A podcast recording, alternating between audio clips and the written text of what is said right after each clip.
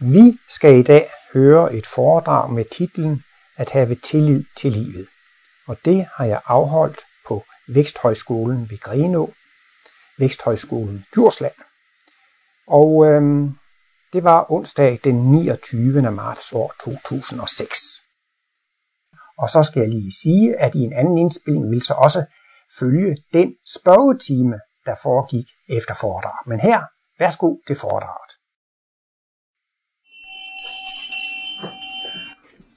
Ja, velkommen til vores onsdagsforedrag. Velkommen til Ole Terkelsen. Dejligt at se dig igen. I aften der skal vi høre et Martinus foredrag. Så velkommen Ole. Ja, tak.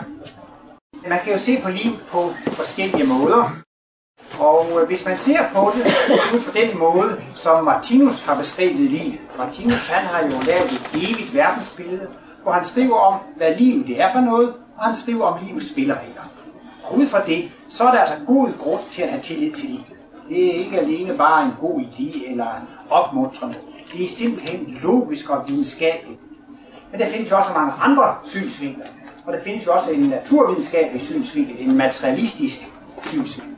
Og ud fra den, så må man sige, der er absolut ingen grund til at tillid til livet. Livet er en meget farlig affære. Det, der ligger til grund for det naturvidenskabelige syn, det er jo det, at det hele det begyndte for 14 milliarder år siden cirka med en kæmpestor eksplosion. Og efter nogle ganske få mikrosekunder eller sekunder, så var der en stor gassky af helium og brint. 25% heliumatomer og 75% brintatomer. Og de reagerer bare tilfældigt med hinanden. Og det fortsætter og fortsætter bare med den ene tilfældighed efter den anden. Og tilfældigvis så bliver der opbygget mere og mere komplicerede molekyler. Og tilfældigvis så bliver der opbygget endnu mere og endnu mere komplicerede molekyler. Og tilfældigvis bliver de endnu mere komplicerede. Og en skønne dag, så er der sådan nogle molekyler, øh, nogle neurokemiske forbindelser. De er simpelthen blevet så, så komplicerede, at nu opstår bevidstheden spontant. Man har noget, man, en videnskabelig teori, som hedder emergensteori. Den teori går ud på, at når de neurokemiske molekyler har nået en bestemt grad af kompleksitet, så opstår bevidsthed af sig selv. Det minder jo lidt om historien fra gamle dage om, at der hvor det er snavs og skidt, der opstår mus og lopper spontant af sig selv. Men det er måske også ligesom, man kan næsten sige, at det at sige, at noget opstår spontant af sig selv eller ved en tilfældighed, det er jo nærmest at sige, at vi ved det ikke. Det kan ikke forklare. Men øh, livet det bliver altså styret af tilfældigheder, og øh, hvis man spørger om det her med udviklingen, hvordan kan det være, at man udvikler sig? Hvad er årsagen til udviklingen? Jo, det er jo ifølge darwinismens udviklingslære det, at der er en naturlig variation i arveanlæg. Der sker en masse mutationer, og så blandt disse tilfældigt opståede udgaver og versioner, så er det de, som er bedst egnede, og de stærkeste, eller de bedste egnede, som overlever. Og så får man jo hele tiden sorteret de dårlige tilfældigheder fra, og så er det bare de bedste tilfældigheder, der overlever, og takket være det, så går udviklingen fremad. Men øh, hvis man så spørger, hvad er meningen med livet? Ja, der er absolut ingen mening, fordi det er jo styret af tilfældigheder. Og det vil så sige, at livet er simpelthen en stor meningsløshed. Men øh, det kan man måske sådan lige holde ud med at leve med. Men ja, i hvert fald, hvis man har sådan et materialistisk syn, så er det alt muligt grund til at være bange for livet. Man ved aldrig, hvad der kan ske får måske tagsten i hovedet om et øjeblik, eller der kan ske de værste ting, og man har slet ikke kontrol over det. er fuldstændig tilfældigt. Så derfor er det i hvert fald naturvidenskabeligt set alt mulig grund til ikke at have tillid til livet. Så man har virkelig grund til at frygte det værste, det kan ske når som helst. Jeg skulle måske også lige benytte lejligheden til at gøre lidt reklame for mig selv. Jeg har her i vinter, eller også det foregående år, jeg har skrevet en bog, som jeg håber kan blive udgivet på Borgens forlag her til efteråret. Den bog skal have titlen Martinus, Darwin og intelligent design. Og det er jo så altså Martinus' syn på det, og så er det altså de darwinistiske syn, og det er det, jeg har sådan lagt lidt op til. Og der har jeg skrevet meget om alt det her med tilfældigheder og gener og kromosomer, og hvordan udviklingen kan gå fremad. Så har I måske også hørt om den her debat med den yderste kristelige højrefløj. Den religiøse højrefløj går ind for, at det er Gud, der har skabt mennesker og dyr, som består i skabelsestegn. Så er der nogle andre religiøse, de er lidt smartere. De siger, nej, nu har vi en videnskabelig teori, en intelligent designteori. Og der kan man så se, at der må være en intelligens bag jeg vil næsten også selv sige, at jeg er blevet religiøs af at studere biokemi. Jeg er biokemiker og biolog. Og jo mere biokemi man studerer, jo mere genialt finder man ud af at indrettet. Og så bliver man faktisk mere og mere overbevist om, at der må der være et intelligent design bag Der må der, der, må der stikke en, en bevidsthed bag, bag ved det her. Ikke sandt? Og der har Martinus så en god forklaring, der kan forklare, hvordan det ene stemmer med det andet. Og det er sådan set også lidt det, at foredraget drejer sig om. Fra religiøst hold, så tror man jo så, at det er Gud, der har skabt mennesker og dyr færdige, sådan som de er nu. Og de går meget imod en gradvis udvikling. Gud har skabt som det er. Men øh, Martinus mener jo egentlig, at det er en skabende kraft universet, som skaber mennesket. Men det er takket være evolution. En hver kunstner har jo en bestemt proces. En maler har sin proces med at male, en skribent osv. Så man kan sige, at enhver skabelse må jo gå igennem nogle processer, som foregår helt kontinuerligt. Så jeg skal måske ikke gå alt for meget ind i det her med, med øh, materialismen og øh, hvad konsekvenserne er af det. Men altså, konsekvensen af det, det, det, det naturvidenskabelige syn, det er jo kort og godt. Livet er et absurd teater. Livet er fuldstændig styret af tilfældigheder. Men der findes alligevel visse videnskabsgrene, som kommer lidt i nærheden af det. For eksempel inden for psykologi, der synes jeg, man er på sporet af, at livet er en størrelse, som ikke virker helt tilfældigt det begyndte jo med Freud, når han fik sådan måske en hysterisk kvinde i, i behandling, så behandlede han hende og snakkede med hende, og så, så blev hun rask. Og så blev hun sendt hjem til familien, og så udviklede hun symptomer igen og blev hysterisk igen, og så kom hun så i behandling, og så blev hun rask igen, og så blev hun sendt hjem til familien, og så blev hun syg igen, og så kom hun i behandling, så blev hun rask igen. Men der troede man jo ligesom, at man bare skal tage én person og helbrede personen. Men senere fandt man ud af, at det er jo en sammenhæng mellem personen og den omgivelse, som personen er i, altså det miljø. Og så, I dag så behandler psykologer jo altid personen og familien. Hvis der er et problem på en arbejdsplads, det er ham, der er problem. Så siger man jo tit, nej, vi skal have fat i hele gruppen, ikke sandt? Og psykologien, den drejer sig faktisk om, at der findes nogle lovmæssigheder. Hvis man gør sådan mod gruppen, så gør gruppen sådan mod mig. Og der begynder man jo faktisk at nærme sig, at der findes nogle love i livet, der findes nogle spilleregler i livet, altså at det ikke er helt tilfældigt. Man har jo også den her tale mod smil til verden, og verden smiler til dig. Så der er nogen, der har sådan lidt erfaring for, at, øh, at der er et vis system i det med livet, at det nærmest er en slags fornuft i livet. Men fra strengt naturvidenskabelig hold, så er der ingen fornuft i naturen. Der er ingen fornuft i livet. Man har sådan den grundlæggende ting for den materialistiske videnskab, det er postulat om objektivitet. Det vil sige, at naturen den kan ikke planlægge, den kan ikke have idéer, den kan ikke have ønsker, den kan ikke være kreativ naturen, den må altså være totalt objektiv, så der findes ikke nogen fornuft i naturen. Men netop synes jeg, psykologien begynder at vise på, at der er der noget fornuft i livet. Gør man sådan mod sine omgivelser, så, så, så kan man konstatere, så reagerer omgivelser sådan mod mig. Hvis et individ reagerer sådan imod sine kolleger på arbejdspladsen, så kan man så regne ud, så vil, så vil gruppen reagere sådan mod individet. Hvis et individ opfører sig sådan en familie, så vil familien reagere sådan mod individet, der, der udvikler sig på den måde. Så på den måde begynder man jo at tro, at der er noget øh, styr på det, at livet det har en slags struktur eller en slags mening. Jung han talte jo også om synkronicitet, og det er også for mange mennesker. Det handler sådan lidt om dobbelt tilfældes mystik, altså man oplever to ting, og man kan slet ikke forstå, hvordan de to ting hænger sammen. Det kan være, at man går og tænker på, øh, at Mondviben snart er kommet. Så lige pludselig så ser man en vib, der flyver op, ikke sandt? Så er den der. Eller, men typisk så skulle det vist nok være defineret sådan, at hvis man nu må drømme om om en rev om natten, så går man en tur næste morgen, så løber der en, en rev på stien. Og sådan er der altså sådan mange mærkelige tilfælde, man synes, det var da underligt. Jeg har lige tænkt på det, og så skete det, eller jeg har lige gjort det. Det må sige, så, så er det som om, at livet giver et svar på det. Altså man har oplevet noget, man har tænkt noget, man har drømt noget, og så kommer der umiddelbart efter et respons. Og det er jo man synes, det er simpelthen det er så utroligt. Tænk, jeg har lige drømt om en rev eller et andet sjældent dyr, og næste morgen så er den der, og så begynder man at undre sig meget over det. Jeg har også øh, læst lidt ord om det her med flow, altså der er nogen, der er nogen der kalder sig flow masters. Det hedder altså, du skal ikke gå imod livet, du skal flyde med, du skal lægge, lægge mærke til, hvad, det, hvordan, hvad livet siger til dig, hvad for nogle muligheder der er. Lad være med at være stiv og, og bestemt og autoritær. Fly med livet og undersøg dine muligheder. Hvad har du lyst til, og hvad kan lade sig gøre? Og der er jo så skrevet bøger om det, og det viser sig tit, at hvis folk så virkelig ønsker, ja, jeg kunne godt tænke mig at flytte ud på landet og få et lille hus der, og der er ingen hus til leje, og der er ikke noget der.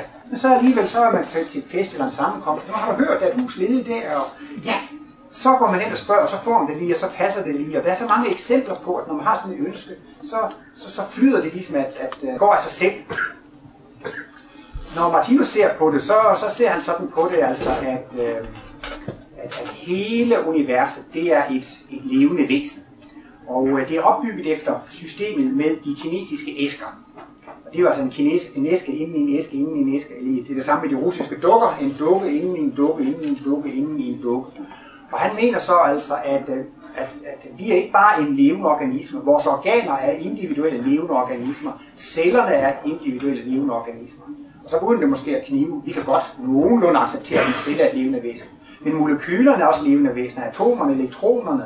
Og nede på en elektron, det er sådan en lille planet, der går der måske også en menneskehed rundt med dyr og planter langt nede i mikrokosmos. Det er ligesom med fraktalbillederne. Man kan fortsætte og fortsætte nedad i det uendelige. Og opad i makrokosmos, så er jordkloden også et levende væsen. Solsystemet er et levende væsen. Og jeg har lige taget et symbol med af Martinus, som jeg gerne ville vise. Og det er et symbol, som han har kaldt for livsenhedsprincippet. Og det viser sig, hvis nu det er et menneske, så har vi alle sammen sådan en jeg-fornemmelse. Det er jeg, det er skaberen, det er exit. Og dette jeg, det har altså en skabeevne, altså skaberen har et skabeevne, og det kalder han også X2. Og herude X3, det er så altså det skabte resultat, og det er så altså vores organisme, som består af en lang række organer. Men hver enkelt af disse organer har også et jeg, det er også en skaber, og det har en skabeevne, og det skabte resultat, det er selve organet. Og organet, det består af celler, som også er levende væsen. Så fortsætter det nedad. Det er det eneste af Martinus' symboler, som næsten kan kaldes et slags hologram. Fordi et hologram, der skal delen være lige med helheden. Og sådan er det her. Men det kunne også godt være et, et, vores mælkevej, så består det af levende solsystemer, det består af levende kloder, hvor der er levende mennesker osv.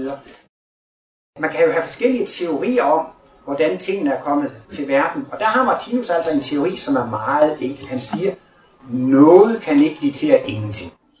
Og der er naturvidenskaben i hvert fald med på det ifølge den her sætning om energiens konstans. En summen af energi er konstant.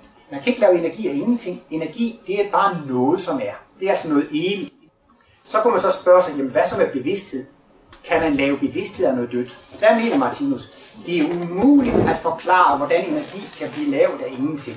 Men det er lige så umuligt at forklare, hvordan bevidsthed kan være kommet af noget livløst. Så Martinus han har nogle meget specielle analyser, og det er det, han kalder så for evighedsanalyser eller uendelighedsanalyser. Og det kan naturvidenskaben slet ikke forholde sig til. De kan kun forholde sig til ting, som man kan måle og veje. Og det er altså skabte ting, og altså det er hensmulerne ting. Men hver skabt ting har en begyndelse og en slutning, og det er det eneste, de vil beskæftige sig med. De vil kun beskæftige sig med mål og vægtfase. De kan ikke forstå, at det er noget, som, som på en måde har evighedsnatur. Og det er så altså Martinus' forklaring på det. Energi, det er bare noget, som er. Der er ingen grund til, det er der. Det har altid været der, og det vil blive ved med at være der. Og så siger han også, at bevidsthed, det er heller aldrig begyndt. Det, det kan heller aldrig slutte. Og det er det, jeg siger. Naturvidenskaben, de kan være meget imod den teori, men man kan i hvert fald sige, at de har endnu ikke bevist, hvordan bevidsthed kan blive til at nå død. Så for Martinus, så er jeg og bevidstheden, det er altså en evigt eksisterende ting. Og det bliver altså noget meget centralt i Martinus forklaring, ikke sandt? Fordi hvad er livet for noget? Hvad er livet for noget? Jamen det er altså bare noget, der er der. Og livet, det er simpelthen alt, hvad der eksisterer. Og det vil altså sige, i uendelighed nedad i mikrokosmos, i uendelighed op i makrokosmos, simpelthen hvis man forestiller sig alt, hvad der eksisterer, det er på en måde liv. Det er universet. Og det er så Martinus' udgangspunkt. Det er noget levende. Og så begynder det jo at blive helt anderledes at, at, at se på det. Jeg skal også lige fortælle, at Martinus han taler om nogle meget store udviklingsforløb, hvor jeg måske også lige glemt at forklare, at Martinus er jo en dansk forfatter, filosof, som blev født i 1890, og i 1921, der fik han en stor åndelig åbenbaring eller oplevelse, og der fik han, hvad han selv kaldte for kosmisk bevidsthed. Han forklarede, at han kunne opleve livets love, livets sandhed og livets principper, og det forklarede han så i de sidste 60 år af sit liv. Så fra han var 30 til han var 90, forklarede han alle de analyser. Og han, op, han startede som hyrderdreng, arbejdede i, i mejeriet og var bare ved, ved øh, mejeribruget, og han sagde selv, at han var et levende eksempel på, at man kunne komme til den største viden i verden, uden at have studeret. Og nu har jeg lige en lille vits med her i køkken, når vi er kommet hertil. Fordi så kom der engang en mand og sagde til Martinus, jamen jeg kan da ikke se, du siger jo bare det samme, som Steiner har sagt. Der er jo ikke noget, noget, noget, noget, noget forskel på det. Jo, svarede Martinus. Steiner, han, øh, han beskæftiger sig jo kun med, med menneskene, men forstår du, jeg, jeg beskæftiger mig jo også med det der med mælkevejene. Nå ja, det er klart, du er jo majorist.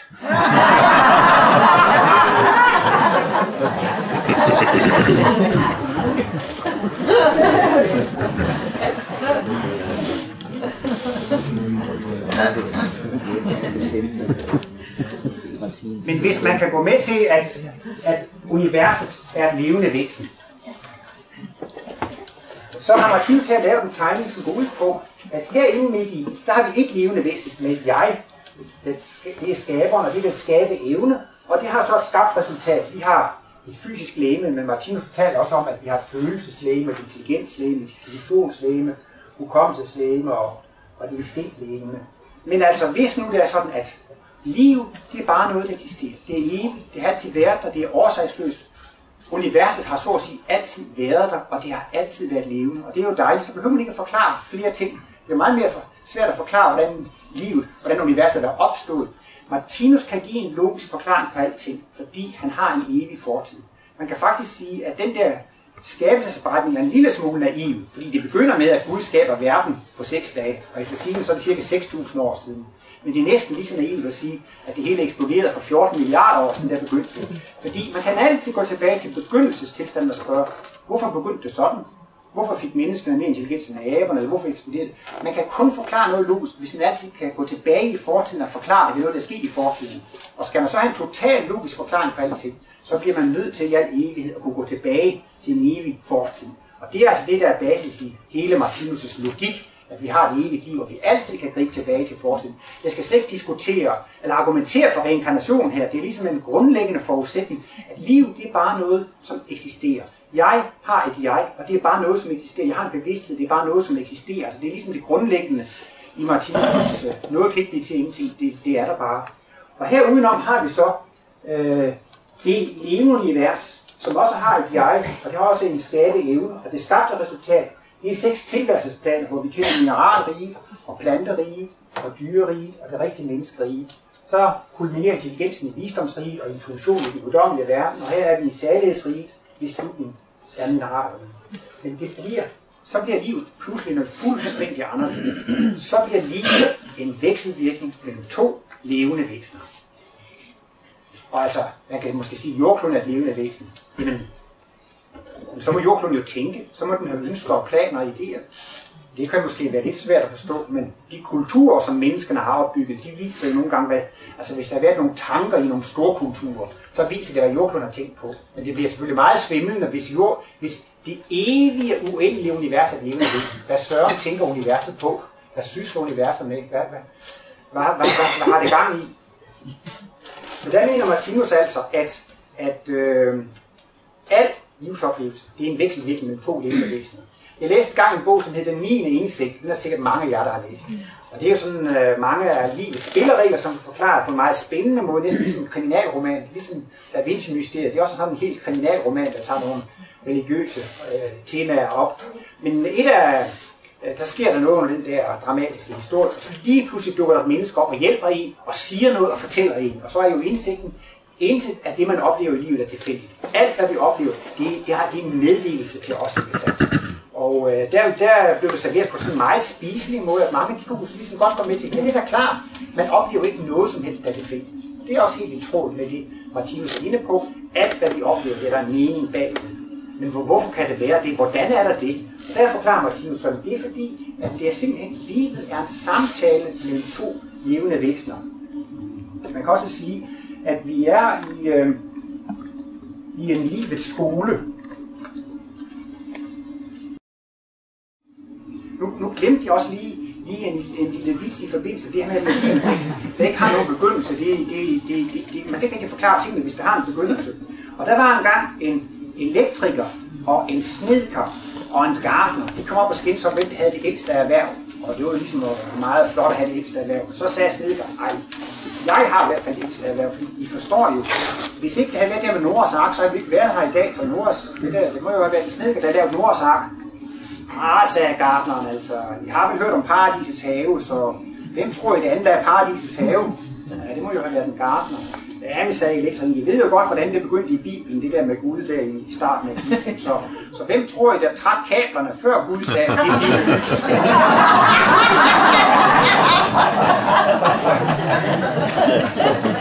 Men øh, det er også bare det ved det, altså. altså. Ja, det, har, det har ikke nogen begyndelse. Det har altså altid, det har altså altid været på den måde. Det som jeg synes, altså det her med at have tillid til livet, ikke sandt? Det har jo noget at gøre med den relation, man har til livet. Og øh, normalt så siger man jo sådan, at det er Gud, som skaber mennesket i sit billede. Altså meningen med den fysiske verden, det er, at vi skal blive gudevæsener, vi skal blive kristusvæsener, vi skal blive fuldkommende væsener. Det er Gud, der skaber os i sit billede. Ikke? Men Martinus siger, at på mere primitive trin, så er det faktisk mennesket, der skaber Gud i sit billede. Man kan også godt sige, at det er mennesket, der skaber livet i sit billede. Ikke sandt? Fordi hvis man selv er en drabelig hævner og dræber osv., så må Gud jo også være en hævner og en dræber. Bare lidt lærer, ikke sandt? Og der har man så fået de der begreb med den hævnende og den straffende Gud, ikke sandt? Den strenge Gud, ikke sandt? Og, og, og det mener Martinus, det har ikke med virkeligheden at gøre, men det er jo bare fordi, når mennesker selv kan hævne og, og straffe, så må Gud også være det. Og der er det så måske også, at man kommer til det her. Det er det, der i virkeligheden er det springende punkt i at have tillid til liv. Fordi vi skaber liv i vores eget billede. Altså det vil sige, altså, hvis jeg nu selv snyder og fåber og egoistisk og rager til mig og sørger for mig selv, jamen, så er det ikke anden grund til at tro, jamen altså, så, så gør de andre jo også det, ikke sandt? Altså, altså, så derfor er det ingen grund til at føle sig særlig tryg ved det. Så altså, øh, fordi at, øh, man kommer meget nemt til at opfatte livet sådan, som man opfatter sig selv. Så på den måde er det jo, øh, kan man sige, op til en selv, hvor meget tillid man vil have til livet efter, hvordan, hvordan man selv er. Altså for eksempel, jeg gider ikke hjælpe andre. Men sådan et menneske kan det ikke andet få det, det indtryk af livet. Livet hjælper da sikkert heller ikke mig. Men hvis mennesker ligesom siger, ja, jeg elsker at hjælpe andre, jeg vil gerne hjælpe andre, så, ja, ja, så får jeg nok også selv hjælp. Ikke? Det går lidt dårligt med økonomien. Men nu giver jeg lidt penge her, lidt penge der, sådan. så får jeg nok også, når jeg trænger til det. Ikke? Det vil altså sige, at hvis man selv er meget generøs, så får man også måske den opfattelse, at livet er da også generøs. Ikke? Og det er jo så det der med at, at have tillid til livet. Ikke sandt? På en måde handler det jo virkelig også om at have tillid til sig selv, eller det handler om en slags selverkendelse, ikke sandt? Fordi altså, på de punkter der, hvor, hvor, man, hvor man ikke har tillid til, til det ydre, altså hvis man for eksempel øh, ikke selv vil hjælpe andre, så går man også rundt med den der opfattelse, at man skal man ikke regne med at få nogen hjælp her i livet, se bare hvor egoistisk alle de andre er, og hvordan det fungerer. Så, så på den måde kan man også bygge øh, en mere tillid til livet op. Og Martinus han forklarer jo kort og godt ud fra skæbnen at den ydre verden, det er et spejlbillede af en selv. Så det vil altså sige, at øh, den skæbne, man møder, det er i virkeligheden et spejlbillede i selv. Normalt, når man ser på tingene med fysiske øjne, så er det de andre, som er skyld i mine problemer. Hvis det er en kone, der har en mand, der er alkoholiker, det er da klart, det er manden, som er årsag til problemerne. Hvis man har et par vilde uopdragende sønner, ikke sandt, så er det dem, der ødelægger hele familien. Eller så er det chefens skyld, så er det kollegaernes skyld. Altså det er altid de andres skyld, og det er 100% logik, når man er materialist og kun kan se det med fysiske øjne. Men det er noget andet, hvis man har det her med skæbne eller karma med. Og det har Martinus tegnet et symbol over. Og jeg vil heller ikke ind i sådan en lang række hvad skal man sige, religiøse eller åndelige diskussioner, men blot sige, at Martinus mener, at skæbneloven det er en naturlov. Og den naturlov er baseret på, at en bevægelse kan ikke gå efter en ret linje. Og øhm, der var en gang, jeg gerne ville undervise i fysik i gymnasiet, og selvom jeg er ingeniør, så har jeg lært meget fysik, men ikke nok. Og øh, astronomi havde jeg været lært. Så tog jeg et astronomikursus på universitetet for at få lov til at undervise i fysik. Og der var jeg altså nødt til at tage astronomi 1, hvor jeg lærte om universet. Og lærte om Big Bang. Og øh, der skal man så for at forstå det, så, så har man et kosmologisk princip, som siger, at vi regner med, at universet, universet er omtrent ens i alle retninger. Der er ingen grund til at tro, at der er flere galakser i den retning end i den retning. De er, de er omtrent ens, og så skal man så bruge Einsteins relativitetsteorier. Og hvis man gør det, så kommer man til, at man kan ikke bruge den plane geometri, altså den flade geometri. Det, det har den konsekvens, at rummet, det må krumme. Og jeg, nåede, jeg havde lejlighed til at drikke te sammen med Martins kort tid efter eksamen, og et par måneder før han døde, så spurgte jeg Martinus, Martinus, er det rigtigt, at rummet krummer? Han svarede prompte, nej, det er energierne, der går i kredsløb. Det synes jeg var lidt sjovt, altså det var sådan en fundering, jeg selv har haft. Hvis nu altså det virkelig er rigtigt, som astronomerne siger med Einsteins relativitetsteori, og sådan noget, at universet i virkeligheden krummer, altså det må man sige, hvis, det, hvis, hvis de har ret, så, så eksisterer den rette linje. Alt, alt i realiteten, i virkeligheden, det, det, det, det krummer, ikke sandt? Og hvorfor krummer det så? Jamen det er måske fordi, at energierne går i kredsløb. Så Martinus han ser altså skæbneloven som en naturlov. Og han har skrevet mange forskellige små bøger. Han har skrevet en bog, der hedder Den ideelle føde. Det er bog nummer 5, hvor han anbefaler den vegetariske kost. Der kommer han ikke på det. Men der siger han, hvis man gør en handling, hvis for eksempel man spiser kød eller slår dyr ihjel, så har man begået et, et, et, et, et, et mord. Og så har man ikke selv beskyttet mod at blive slået ihjel. For eksempel for dyr, så er det en ulykke at blive slået ihjel. Så siger Martinus, så kan man godt risikere selv at få en ulykke. Martinus mener, at årsagen til, at man dør i trafikulykker og flyulykker og måske også i krigshandlinger, det er, at man selv har været årsag til andres død. Så han siger, hvis man har været beskyttelse mod ulykker, så skal man, så skal man blive vegetar. Men øh, det, er, det er jo, ja, der er faktisk en, en, en mærkelig historie. Jeg var lidt brysk i en spørgetime op i Klint, så, så sagde jeg, ja, det er jo lidt mærkeligt, hvis man sidder med en bøf på tallerkenen, så risikerer man at få en bil i nakken. Og så lidt senere i spørgetimen, så var der sådan en gammel 80-årig mand, som for første gang var i Klint. Ja, for to år siden, så havde han en lille trafikuheld. Han, han kørte og skulle dreje, og så holdt han i midten og ventede. Og lige pludselig, så var der en bil, der kørte op bag i ham, altså han fik jo nærmest en bil i nakken.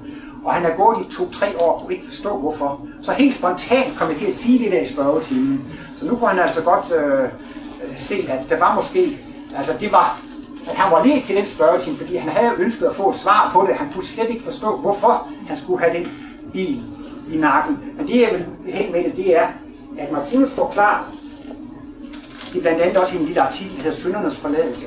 Det er i Kosmos nummer 2. Martinus Institut har et tidsskrift, der hedder Kosmos, og i nummer 2, 96, er der en artikel, der hedder Søndernes forladelse. Og der skriver han om, at når man har gjort en handling, så bliver den handling transformeret til princippet i det. Så det vil altså sige, at hvis man spiser en, en, en, en bøf, så, så, så det principielle i det, det er, at man har været årsag til et dyr at opleve en ulykke. Så kan man selv komme til at opleve en ulykke. Det er jo ikke det med detaljen, det med tallerkenen og bilen. Det er jo to helt vidt forskellige ting.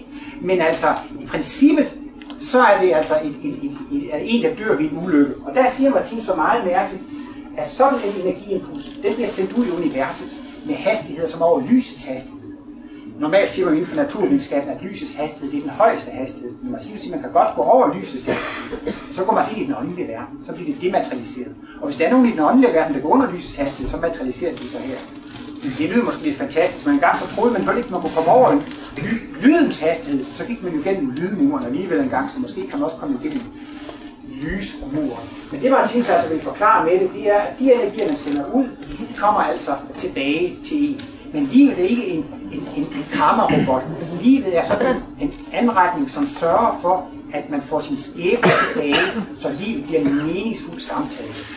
Der var en foredragsholder engang, Øh, Mogens Møller, som brugte det billede med, hvis nu man sidder i kontroltårn på en flyveplads, og der er 10 flyver, der skal lande, så må ham, der sidder i kontroltårn, sige, nu tager vi fly nummer 2 først, og så tager vi nummer 9, og så tager vi nummer 3. Men de skal jo lande alle sammen. Men han kan jo ligesom bestemme, hvad for en rækkefølge de skal komme i. Og sådan er det også. Martinus forklarer faktisk, at et levende væsen ser sådan ud.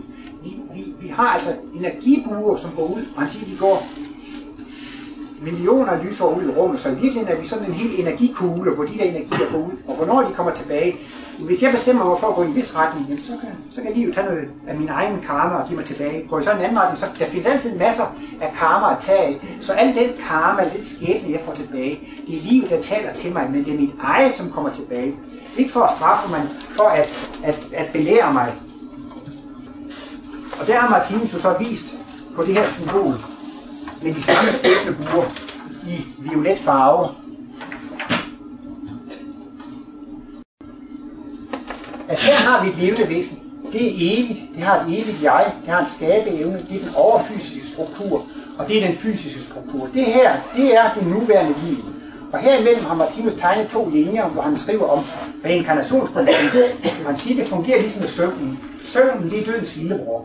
Når man falder i søvn om aftenen, så kan man jo øh, fortsætte næste morgen, der hvor man starter aftenen før, som præcis den samme person. Det er ikke sådan, at jeg lige pludselig vågner op om morgenen og siger, Gud, jeg vil til en gris, eller jeg vil til en eller, eller sådan et eller andet. Jeg vågner jo præcis som den samme person, som jeg var aftenen før. Og det er altså Martins opfattelse af reinkarnationsprincippet, at man kommer tilbage præcis som det samme væsen, man var før. Man bliver født med den samme personlighed, med de samme talenter, med de samme evner, altså 100% som, som man var før. Så men de gule farver, det er altså fortiden, så det her det er altså de tidligere liv. Og her kan vi så se de her skæbnebuer igen. Og den skæbne, jeg har i dag, det er konsekvensen af noget, jeg har gjort tidligere i det her liv. Eller i et tidligere liv, eller i et endnu tidligere liv. Men pointen er altså, alt hvad jeg oplever, det er 100% retfærdigt. Jeg kan kun komme til at opleve det, jeg selv har sendt ud. Og så kan man så også sige, når spørge sig, kan man forandre sin karma, sin skæbne? Og der kan man sige, ja, det kan man godt. Men det, man har sendt ud, det er man nødt til at tage tilbage. Men hver sekund, at man medarbejder på en kommende skæbne, der kan man bare gøre noget andet. Der var engang en mand, som havde oversat en del for Martinus, og så fik han nogle problemer. Så sagde han til Martinus, det kan jeg altså ikke forstå det her. Nu har jeg hjulpet dig og været så god og kærlig at oversætte det her. Hvorfor skal jeg så have de her problemer? Ja, men altså, det er gode, du har gjort nu. Det kommer jo tilbage med nogle gode virkninger senere. Men de problemer, du har nu, de skyldes jo noget, du har gjort i din fortid.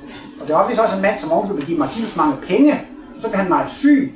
Så beklager han sig også til Martinus. Hvad kan det være? Nu er jeg blevet meget syg, og nu har jeg givet så mange gaver. Det svaret var igen det samme. Jamen altså, grunden til, at du er syg, de har nogle årsager i fortiden. Ikke? Og det, at du har givet gaver, det kommer tilbage. Så man kan næsten ikke sådan lave aflejshandel ved at, at give en gave, så tror man kan slippe for, for nogle af, af, af de gamle virkninger. Men det, der er pointen i det, det er at se meningen med smerten og lidelsen. Og det er altså det, det er aldrig andres skyld, at man har smerter i lidelse. Det er altid ens eget, der kommer tilbage. Det er selvfølgelig meget godt at kritisere, nu skal du høre, hvor dum han har været, og nu skal du høre, hvor, hvor fræk han har været. Ikke? I virkeligheden så fortæller man også sig selv. Hvis man bliver lidt bevidst om det, så bliver man lidt mere, mere tilbageholdende med at kritisere andre mennesker. For man står bare og røber sig selv, og fortæller om alt det, man har lavet. Jeg har som også tit selv meget svært ved at, at, at tilgive andre mennesker, så Ja, jeg lavede gang en spøjt med min, min, min kammerat. Han sagde, at du skulle tage og skrive en liste over dem, du ikke kan lide. Og så, så, så, så skulle du bede for dem og tænke positivt på dem. Så jeg sagde, ja, man, jeg tror, jeg er millionær. Jeg bliver nødt til at vente til det papir udsendt. Men øh, det er selvfølgelig... Øh, hvis man virkelig vil arbejde bevidst med på sin egen udvikling, så gælder det jo netop om at tænke positivt på dem, man ikke kan lide. Men normalt, så ser man det jo som som den der årsag til mit problem. Men et godt lille råd, nej, det trick, som jeg får fra mig selv, det er i stedet for at skælde ud og kritisere dem, ikke også, så er det at sige, goddag kollega, altså i sit eget hoved. Ikke? De mennesker, som man er mest indigneret over, mest oprørt over, mest sure og vrede over, ikke også? Det gælder om at sige goddag kollega, hun spejlbillede af mig selv. Så er man jo knap så følge efter at skælde dem ud, fordi så skælder man i virkeligheden sig selv ud. Og man kan også sige, at to dummeste ting, man kan gøre her i livet, det er at være i krig med andre mennesker, og det er at være i krig med universet. Og det er man faktisk. I det øjeblik, man er sur og vred på andre, så er man i krig med et andet menneske, men man er også i krig med livet. Ikke? Og det er selvfølgelig klart, at når man er i sådan en tilstand, så kan man ikke rigtig have tillid til livet, fordi man er i krig med livet. Og derfor er det jo også meget svært for mange mennesker at have tillid til livet, for det kan man slet ikke have, hvis man er i krig med livet. Og Martinus taler også om det her med gudsforhold, altså det er så livet, og han siger, at man skal ikke tro på, at hvis nogen siger, jeg har et godt forhold til guddommen, men jeg har et dårligt forhold til mine medmennesker. Fordi alle levende væsener er jo celler eller organismer i, i, i, i guddommen. Og man kan også sige altså, at øh, det er ikke godt at komme i strid med livet, eller for den sag med skyld med guddommen. Det var en gang, jeg var på Martinus Institut, så var der en eller anden, jeg, kan tror næsten, man sige skør eller sindssyg dame, der ringede, og hun snakkede og snakkede. Jeg hørte jo der på, på hende, så jeg synes, hun virkede helt sindssyg. Og så til sidst så fortalte hun også, at hun forbandede Gud langt lidt. Hun blev meget fred på Gud, ikke sandt? Så tænkte jeg, det er derfor, hun blev sindssyg. Men uanset den historie, så er det altså det, det er ikke godt. Tankerne kortslutter, altså man, man, man ødelægger sin egen sundhed, man ødelægger sin egen livskraft. Man kan, ikke, man kan ikke lave noget, der er værre, end at komme i krig med Gud. Det er også det samme som at komme i krig med livet. Og er man det, så er der i hvert fald slet ikke nogen grund til at, at, at, at have tillid til livet. Jeg kan lige fortælle en lille historie. Det var en weekend en gang, der var jeg så generøs, at jeg gav 1000 kroner væk. Og mærkeligt nok, inden weekenden var gået, så fik jeg en gave på 1000 kroner. Men desværre, det jeg fik tilbage, det var svenske kroner. Så, så, så jeg undrer mig også lidt over deroppe i, deroppe i Karma-banken, altså to, to tog gebyrer, eller er spekulerede på børsen der. Men det var også engang en, en, en meget fattig mand ude på heden i Jylland. Det voksede jo så lidt ud, så til sidst så, så han ikke anden udvej om at, at skrive et brev til vor herre. Han bad og bad, og han fik ingen penge, og så, så, så, så skrev han et brev, om vor herre ikke godt ville sende ham 10.000 kroner, for nu kunne han altså ikke klare sig. Og så skrev han så vor herre uden på konvolutten og sendte brevet afsted. Og så der ved postvæsen, hvad så skal vi gøre på sådan en brev? Hvor, hvor, hvor, hvor skal vi sende det hen? Det er lidt nemmere med julemanden, ikke? Det skal op til Grønland, og når det står vor herre, hvor skal man så sende det hen? Nå ja, Mærsk McKinney Møller, det er jo den rigeste mand i Danmark, så Så han fik jo brevet der. Han er jo sådan lidt påholdt, han passer jo på sine penge, men han er jo lige sådan lidt sniger, der lidt tændt en gang, at det er jo herre, så var de brevet der. Så, så, så han bestemte sig alligevel for at sende de 5.000 kroner til, sende 5.000 kroner til ham, manden over i Jylland. Og han blev meget glad, og han satte sig ned, og så, så skrev han så sådan et, takkebrev til, til, til, til Gud der. Han sagde, tak, mange tak for pengene. Men næste gang, så vil jeg nu være glad for, hvis du ikke sender dem igen, Mærsk McKinney Møller, for han beholdt halvdelen af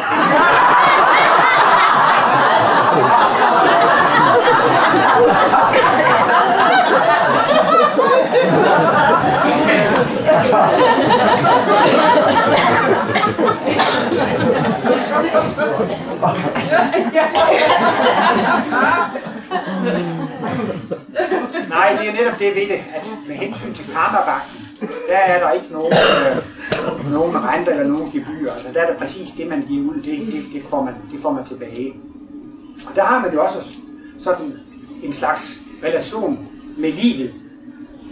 Nej, nu, er nu, nu kommer jeg faktisk lige til at tænke på det der med, altså at, at øh, hvis nu for eksempel man beder meget, hvis nu man har en datter, der er syg, og så beder man om, at hun skal blive rask, og man beder år ud og år, og det sker ikke noget, så kan man også blive meget vred på livet, eller skuffet over livet, man kan blive skuffet over, over guddom. Der forklarer Martinus også, at man, man kan bruge bønden på en forkert måde, ved at man ligesom vil, vil have nogle egoistiske ting, ikke sandt? Man vil lave, eller, eller man vil øh, lave om på, på karmeloven, så, så kan det ikke lade sig gøre. Livet har sine regler og sine spilleregler. Og øh, for eksempel nu, nu øh, skal der være fodboldsmesterskab, det er verdensmesterskab i fodbold. Danskerne skal desværre ikke være med. Men det er ingen tvivl om, at tyskerne beder om, at de skal få guldmedaljen, og franskmændene de beder om, at de skal få guldmedaljen, og brasilianerne de beder Gud om, at de skal få det. Og det kan simpelthen ikke lade sig gøre, fordi at ressourcerne, de, de stemmer ikke. Altså det er ikke nok guldmedalje, der er kun et sæt guldmedalje, og der er 32 lande. Det kan ikke lade sig gøre, det er umuligt. Alle danskere, de ønsker at få 32 millioner i lottogevinst. Der er simpelthen ikke penge nok. Og der er altså også nogle gange, at man skal prøve at se lidt logik i livet. Og så er det faktisk, i forhold til ens eget liv, så kan man jo forstå, at vi vil gerne nyde en hel masse ting. Og for at nyde et dejligt velfærdssamfund, så skal der jo præsteres og ydes mange ting. Og, øh, og når man så, hvis man rent matematisk, fysisk, kemisk eller ingeniørmæssigt regner på det, så kan man jo sige, at hvis det skal, hvis der skal yde så meget og præsteres så meget, at hvis, hvis, hvis, hvis vi skal lige gå, så skal der jo præsteres noget. Og så kan hver enkelt sætte sig ned og regne ud, faktisk. Det kan man sige sig selv. Jamen, jeg vil gerne nyde en hel masse goder, men jeg vil ikke yde så meget. Jeg vil helst yde mindst muligt og have så meget som muligt. Ikke? Og hvis det lykkes en at få nyde mere, man har ydet, så er man altså et minus for helheden. Og så er man altså med til, at der er nogle mennesker nu, som bliver underbetalt. Og det er jo faktisk, altså jeg synes jo næsten, man kan tillade sig at sige, at materialismen eller etlivsteorien, det er egoismens evangelium. Fordi vi lever kun én gang, så det gælder om at rave til os. Og alligevel er det jo et meningsløst og tilfældigt, og så kan jeg lige så godt rave til mig nu, ikke sandt? Men hvis man fik det ind i billedet for det første, så er det jo så logisk at forstå, at, at hvis jeg rager mere til mig, så er jeg simpelthen skyld i, at andre bliver underbetalt, og det er måske ikke så rart at egentlig at gå med den tanke. Og vi har jo sådan en selvopholdelsesdrift for dyreri. Men Martinus siger efterhånden, at vi vil udvikle en kærlighedsdrift. En, en, altså vi, vi vil øh, hellere give, altså det bliver ligefrem en glæde at give. Hvis nu man har hjulpet en god ven, så kommer man og siger, tak fordi du hjalp mig, ikke? så bliver man glad. Og til sidst, man trives simpelthen ikke rigtigt, hvis man ikke har, har hjulpet eller, eller, eller, eller, eller har givet andre noget, noget. Så det begynder altså helt at forandre sig.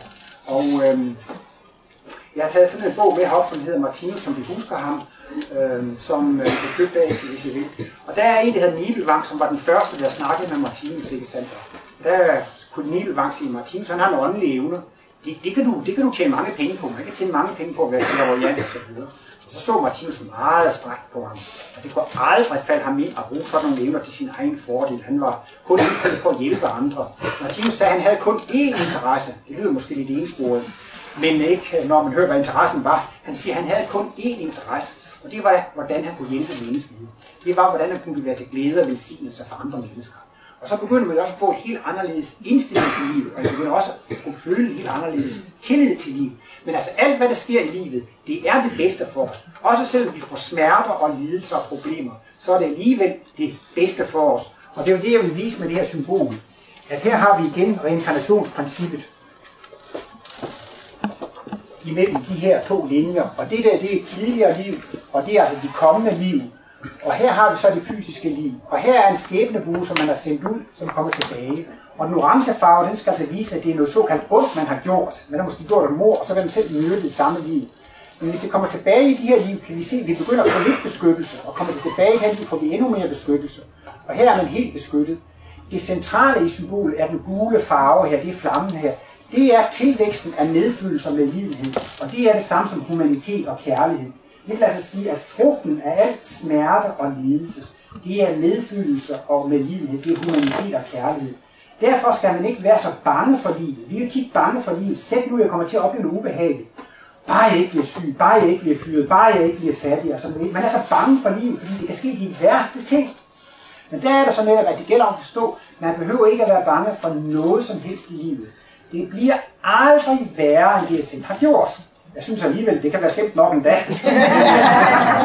Men altså, jeg synes alligevel, at, at, at det sætter en vis grænse for, hvor galt, hvor galt det kan gå, ikke sandt? Altså. Og så er det så altså netop, hvis Martinus viser, at der er en mening med det hele, at jeg får det tilbage, fordi jeg skal lære af det. Og det er det, der er centralt i det her, det er, at vi får kun lidelse, hvis det er nødvendigt. Og det vil sige, hvis et menneske har slået 1000 mennesker ihjel, hvis de så bliver slået ihjel 117 liv efter hinanden, og så har lært, at man ikke skal slå ihjel, så er det ingen grund til, at man bliver slået ihjel mere. Fordi nu har man lært lektien i livets skole, og Martinus mener, at det er intet overflødigt, intet tilfældigt. Alt har en mening. Og det vil sige, at hvis der er et område i vores bevidsthed, hvor vi ikke kan gøre fejl mere, så bliver vi beskyttet der. Og det vil sige, kan man så ikke myrde andre mennesker, så er man beskyttet der. Og det vil så sige, at den her gule flamme kunne egentlig også godt tage som et udtryk for vores aura. Martinus taler om, at vi har sådan et, et åndeligt kraftfelt, og det beskytter os. Og så kan man sige, at hernede her, der lige lovligt mange huller i auraen. Man kan godt nænde at dræbe andre, og derfor er man ikke selv beskyttet. Og der gælder simpelthen en ganske enkelt naturlov. Man er selv beskyttet i samme grad, som man beskytter andre. Det er da også 100% retfærdigt og rimeligt, ikke sandt? Og de felter, hvor man er ufærdig, der er auraen for tynd, eller så er der huller i det, og så slår det igennem. Her har man fået meget mere medfølelse med livet. Man har fået smerter og lidelser på andre områder i livet. Og så har man fået meget medfølelse med livet og humanitet. Så er det ikke nødvendigt, at man bliver slået ihjel for at, øh, for, for at komme videre i livet. Så har man lært det, så får man altså en, en beskyttelse på, på dette område. Og derfor er det jo altså meget vigtigt, at man, øh, at man, at man forstår, at smerten og lidelsen, ikke sandt, det er ikke noget, det er ikke noget ondt, det er ikke noget djævelsk, det er ikke noget meningsløst. Det er meget ubehageligt, men det kan give mennesker en utrolig styrke og en utrolig kraft at forstå. Det er livet, som hjælper mig. Så får man jo et helt anderledes syn på livet, hvis man kan komme ind på en sådan bølgelængde. At, at det er livet, der hjælper mig, den giver mig udviklingsmuligheder. Vist er det ubehageligt, men det kan give folk en utrolig kraft til at tage det, hvis de kan se, der er en mening med det. Det er rimeligt, det er noget, jeg selv har sendt ud, og det er noget, som fører mig frem, at det giver mig altså nogle værdifulde, værdifulde egenskaber. Og der taler Martinus om, at man efterhånden også kan få sådan et forhold til livet, eller sådan et gudsforhold, at man kan begynde at optræne det, han kalder for en mental suverænitet. Hvis du skælder mig ud, så bliver jeg ked af det. Og hvis du kritiserer mig, så bliver jeg også ked af det. Så er det jo svært at styre livet, fordi så er det jeg, der bestemmer, hvordan jeg har det. Men det prøver, gælder om gradvist at ligesom prøve selv at styre det, og være upåvirket af, hvad, hvad, hvad, hvad, hvad de andre siger. Og sådan er det jo også, hvis man så møder smerter, lidelser og sygdom, så skal man så prøve og ikke se det som noget urimeligt, noget uretfærdigt, eller som udtryk for onde magter og djævelskab. Så enten religiøst set, så er det djævlen og de onde, som er årsag til problemerne, og det materialistisk, så er det altså tilfældighed. Man har ikke noget reelt forhold til det her med smerten og lidelsen og problemet. og derfor har man ikke tillid til livet. Og det, der skal give tillid til livet, det er, at man skal mærke, om man næsten må sige, Guds nærhed i al smerte og lidelse. Det, det er en kærlig magt og en kærlig kraft, som arbejder på et fantastisk projekt og forvandler mig fra et egoistisk dyr til at blive et kærligt menneske. Og Martinus har skrevet en, en, øhm, en artikel, som hedder Gethsemane have, hvor han viser, hvordan man kan udvikle sådan en mental suverænitet, som Jesus havde. Det er selvfølgelig et meget højt udviklingstrin, men altså, der, øhm, der, der, der, der er Jesus, han ved, han skal til at korsfæstes, og det, han beder om at slippe for problemet. Lad denne kalk gå forbi mig. En kalk, det er sådan et giftbæger, som man skal tølle for at øh, eksekvere dødsdommen. Og det må man gerne bede om, og bede om at slippe for et problem. Men så siger han, men ske ikke min, men din vilje. Og det betyder, at han er inde på, at jeg vil gøre det, som er til gavn for helheden. Og det er jo det, mennesker skal prøve at komme frem til. Jeg er ven med livet. Jeg ønsker at stå mig godt med livet. Jeg ønsker kun at gøre noget, som er til fordel for, for livet. Og det er jo så den indstilling, man kan komme ind på, at man ligefrem godt kan gå med til at tage en skæbne, som er lidt ubehagelig. Bare det gavner andre. Jeg tror godt, at en mor kan sætte sig ind i, at hun vil eventuelt gerne påtage sig en smerte, for at barnet kunne slippe, holde sig vågen hele natten, eller trøste, eller gøre et eller andet. Ikke? Men den kærlighed, som en mor har for barn, det er faktisk den kærlighed, vi skal til at udvikle over for livet. Og ligesom, så kan man sige, så er livet jo mit barn, ikke? Altså, at jeg vil gøre hvad som helst for, at livet har det godt, for at mine omgivelser har det godt, og at man sætter det højere. Jeg bruger nogle gange et banalt eksempel, hvis det er en, en, en, en, et ægtepar, og så er manden utro, og konen bliver meget ked af det, og manden vil skille sig og fortsætte med elskerinden. Ikke? Der kan man så sige for, for den forsmåede øh, kvinde der, hvis, hvis hun kunne sige, jamen altså, hvis der er en af os tre, der skal være ulykkelig, så beder om, når hun så må sige, hun må gerne bede om at få sin mand tilbage. Men hvis det ikke kan lade sig gøre, altså så det ikke, lad kan gå forbi, men hvis det ikke kan lade sig gøre, så beder jeg om, at det må være mig, der må have smerten og lidelsen, og det må være de andre, der må blive lykkelige, ikke sandt? Der opnår man jo altså, kan man sige, en mental suverænitet. Og det var det, Jesus gjorde i sin have. Han sagde, jeg vil godt påtage mig en tortur på ni timer og blive pint og plage til døde. Hvis det kan gavne helheden eller hjælpe helheden, så vil jeg godt påtage mig det. Og det gjorde han. Og det har inspireret millioner af mennesker. Ikke bare gennem årtier, gennem århundreder, gennem årtusinder. De har haft så stor betydning for, for helheden, ikke sandt? Og der i Gethsemane, da han sagde, fader, ske ikke min med din vilje, det betyder sådan med lidt, lidt mindre religiøst udtryk, jeg vil gøre det, som er bedst for helheden. Så sker der noget totalt magisk, og der kommer også en lysets engel og vise sig for ham. Og i det her tilfælde med den her kvinde, hvis hun kunne have den indstilling, jeg beder for, at de andre må blive lykkelige, så, så tager jeg det på mig. Så vil der også gå en lysets engel ind i hendes aura og give hende kraft og styrke og energi til at, at, at, at, at, at tage sin skæbne. Så, så for ligesom at få, få tillid til så må man faktisk sige, at det handler faktisk om at få et forhold til det levende univers, eller altså få et forhold til, til guddommen, ikke sandt? Og Martinus, han har øh, defineret bønden på forskellige stadier, og til at begynde med, så er det bare en egoistisk ønskeliste. Så kan bønden blive brugt til at få, få, få, få, få styrker og kraft til at tage problemer. Det kan også blive om at få en vejledning om at gøre det rigtigt. Men, de, men det højeste form for bøn, det er faktisk bare det, at man bliver ven med Gud og får en samtalepartner. Meningen med, med bøn er egentlig bare at snakke med livet. Og der er det jo så, det gælder, sig om, det gælder om så at, sige, at blive, blive ven med guddommen, eller at blive, blive, ven, blive ven med livet, ikke sandt? Og der mener Martinus altså, at hvis man i den grad begynder netop at, at ønske at være til fordel for livet, og bare vil glæde livet, så får man efterhånden også den fuldkommende tillid til livet. Så man kan sige altså, hvis man ikke har tillid til livet, jamen så er det altså fordi, man ikke selv prioriterer det, at, at hjælpe omgivelserne ret meget, og være med meget egoistisk, og så jeg hjælper ikke nogen, så får jeg jo ikke selv nogen hjælp. Så på den måde, så er det sådan set ikke en fejl ved livet, men det er en fejl ved en selv, at man ikke har den her tillid. Og Martinus taler altså op til sidst, når man er blevet meget kærlig og intellektuel og udviklet, så vil man efterhånden få, få, få kosmiske glimt. Og der vil man så som noget af det første kosmiske glimt kunne opleve, at det onde eksisterer ikke. Det mørke eksisterer ikke. Der eksisterer ikke nogen djævel. Men det er noget, der er meget ubehageligt. Men det er ubehageligt at tilføje, at jeg kan udvikle mig og komme frem i min udvikling mørket og lidelsen, det er en fordel for mig, fordi det hjælper mig frem i udviklingen. Og der kan man, hvis man virkelig vil gøre et stykke mentalt arbejde, takke for de problemer, man har. Man kan takke for de, de øh, øh, ja, altså, man kan takke sine fjender for det, man kan takke livet, man kan takke guddommen for det. Og Martinus er inde på, i, i, også i en kosmosartikel, han siger, en gang ud i fremtiden, så får menneskene det så godt, så de tænker, det er da mærkeligt, jeg har det så godt. Man føler, føler just til, det går jo fint for mig, jeg har det godt, og jeg har en god familie, jeg har god arbejde, og gode venner, jeg bor i et dejligt land, hvor er det egentlig dejligt, hvor har jeg det godt. Og så, så begynder sådan et menneske at tænke på, at, at, at takke, hvor skal man sige tak helt ude i den blå luft? Og der er det sådan nogle mennesker, der kommer på at takke livet. Der findes også en spansk sang, som er oversat til svensk, som hedder Jeg takker livet. Og det er netop den rigtige indstilling. Og så kommer der vist i refrænet en lang række besværligheder i livet, men det under hele tiden ud i, jeg takker livet, jeg takker livet. Og det siger Martinus også, det er den begyndende kosmiske bevidsthed. Så det med kosmisk bevidsthed, det er ikke bare det at være kærlig og god, men det er også det at føle lykke og glæde ved tilværelsen. Og det åbner altså for, man kan sige, hvornår er udviklingen i den fysiske verden bragt til ende? Det er den, når man får kosmiske oplevelser, og med egne sanser kan opleve, at alt er såre godt. Tak.